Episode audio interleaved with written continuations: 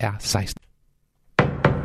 Nu er der nyheder på Radio 4. Det er vel nok den mest groteske situation, jeg kan mindes i dansk politik, sådan siger medstifter af Nye Borgerlige, tidligere næstformand og folketingsmedlem Peter Seier Christensen om Lars Bøge Mathisens exit fra partiet.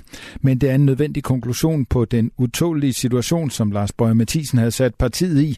Det siger sig selv, at vi ikke kunne acceptere hans ublu krav og skamløse afpresning, skriver Peter Seier Christensen i et opslag på Facebook. Kort før torsdag blev til fredag meddelt Nye Borgerliges hovedbestyrelse, hvor Peter Sejer Christensen også sidder, at Lars Bøge Mathisen er blevet ekskluderet fra partiet. Det skete blot en måned efter, at Lars Bøge Mathisen blev valgt som ny formand. Hovedbestyrelsen beskylder ham for at stille abnorme pengekrav.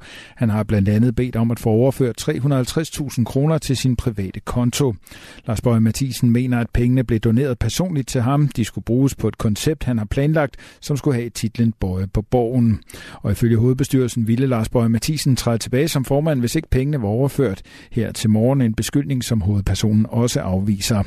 For uden de 350.000 forlangte den nu afsatte formand et formandsvederlag, hvilket andre partier har. Det afviste hovedbestyrelsen. Stifter Pernille Vermund, der nu stiller sig til rådighed som formand igen, fik ikke vederlag som formand. At hun er klar til en tørn mere, takker Peter Seier Christensen for. Jeg vil gerne udtrykke min tak til og respekt for Pernille Vermund for endnu en gang at vise sin ansvarlighed og stamina ved at påtage sig ansvaret i denne vanskelige situation i diametral modsætning modsætning til Lars Bøge Mathisens groteske uansvarlighed over for vores vælgere, medlemmer, frivillige, ansatte, hovedbestyrelse og folkevalgte, skriver han. Fungerende forsvarsminister Troels Lund Poulsen åbner for et scenarie, hvor han og Jakob Ellemann sammen kan færdiggøre et forsvarsforlig, hvis Ellemann vender tilbage fra sin sygemelding, mens der forhandles, det siger Troels Lund. Måtte Jacob Ellemann komme tilbage under forhandlingerne, så vil jeg tro, det bliver på den måde, at Jacob Ellemann og, og mig så forhandler det færdige øh, forsvarsforlig øh, sammen, sådan at, øh, at vi så kan gøre det øh, ved, at vi hver især sidder ved bordet. Vi er dog trods alt fra det samme parti, så må ikke det lykkes. Danmark skal i 2030 bruge 2% af bruttonationalproduktet BNP på forsvarsudgifter og dermed leve op til NATO-målsætningen. Det svarer til en merudgift på 20 milliarder kroner. En del af forårets forhandlinger bliver derfor at finde ud af, hvordan de ekstra penge skal fordeles. Allerede nu er de indledende processer omkring udarbejdelsen af forsvarsforliget i gang. Ifølge Troels Poulsen ventes forhandlinger først senere på foråret. Iran og Saudi-Arabien er blevet enige om at genoptage de diplomatiske forbindelser mellem de to lande. Dermed vil de genåbne deres respektive ambassader i henholdsvis Irans hovedstad Teheran og Saudi-Arabiens hovedstad Riyadh. Det skriver det statslige iranske nyhedsbureau IRNA ifølge Reuters.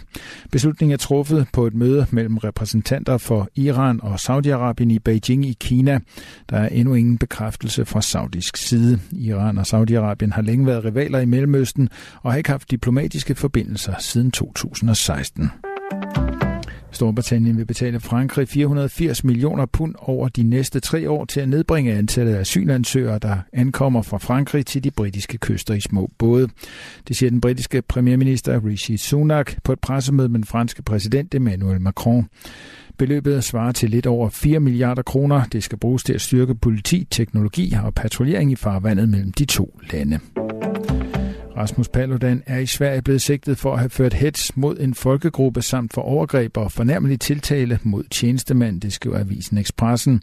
Rasmus Paludan nægter sig over for avisen skyldig i alle forhold. Forholdene skulle være sket i forbindelse med en koranafbrænding i Skånegården i Malmø 16. april 2022. Generelt kan jeg sige, at der ikke har været meget snak om, at politiet i Malmø ville efterforske mig for hets mod folkegruppe. Jeg mener ikke, jeg har begået hets mod en folkegruppe, hverken på Skånegården eller nogen andre steder, siger Rasmus Rasmus Paludan til Expressen.